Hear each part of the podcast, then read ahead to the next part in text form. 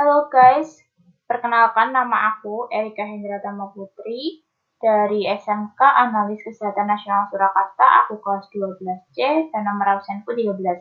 Di sini aku bakal jelasin ke kalian apa sih itu demam tipoid dan apa sih pemeriksaannya. Yang pertama-tama adalah demam tipoid, demam yang disebabkan oleh bakteri Salmonella enterica, khususnya turunannya yaitu Salmonella typhosa yang disebarkan melalui makanan dan minuman yang terinfeksi oleh tinja.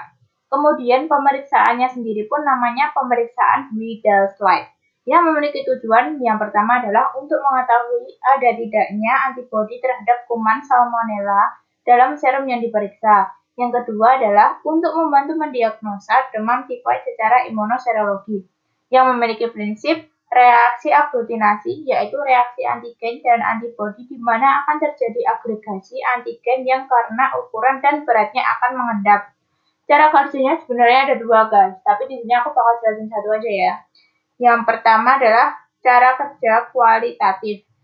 Siapkan lempeng penguji bidal dan beri tanda O dan H pada lubang penguji.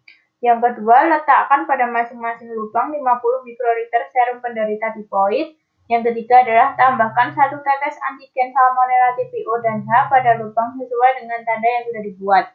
Yang kelima, homogenkan menggunakan lidi. Yang keenam, letakkan pada rotator dan putar kecepatan 100 rpm selama 2 menit. Yang terakhir adalah baca hasil. Positif apabila terjadi aglutinasi dan negatif apabila tidak e, terjadi aglutinasi. Nah, sekian yang dapat aku sampaikan ke kalian. Semoga bermanfaat ya guys. Apabila ada kurang dan tanya, aku mohon maaf. Sekian.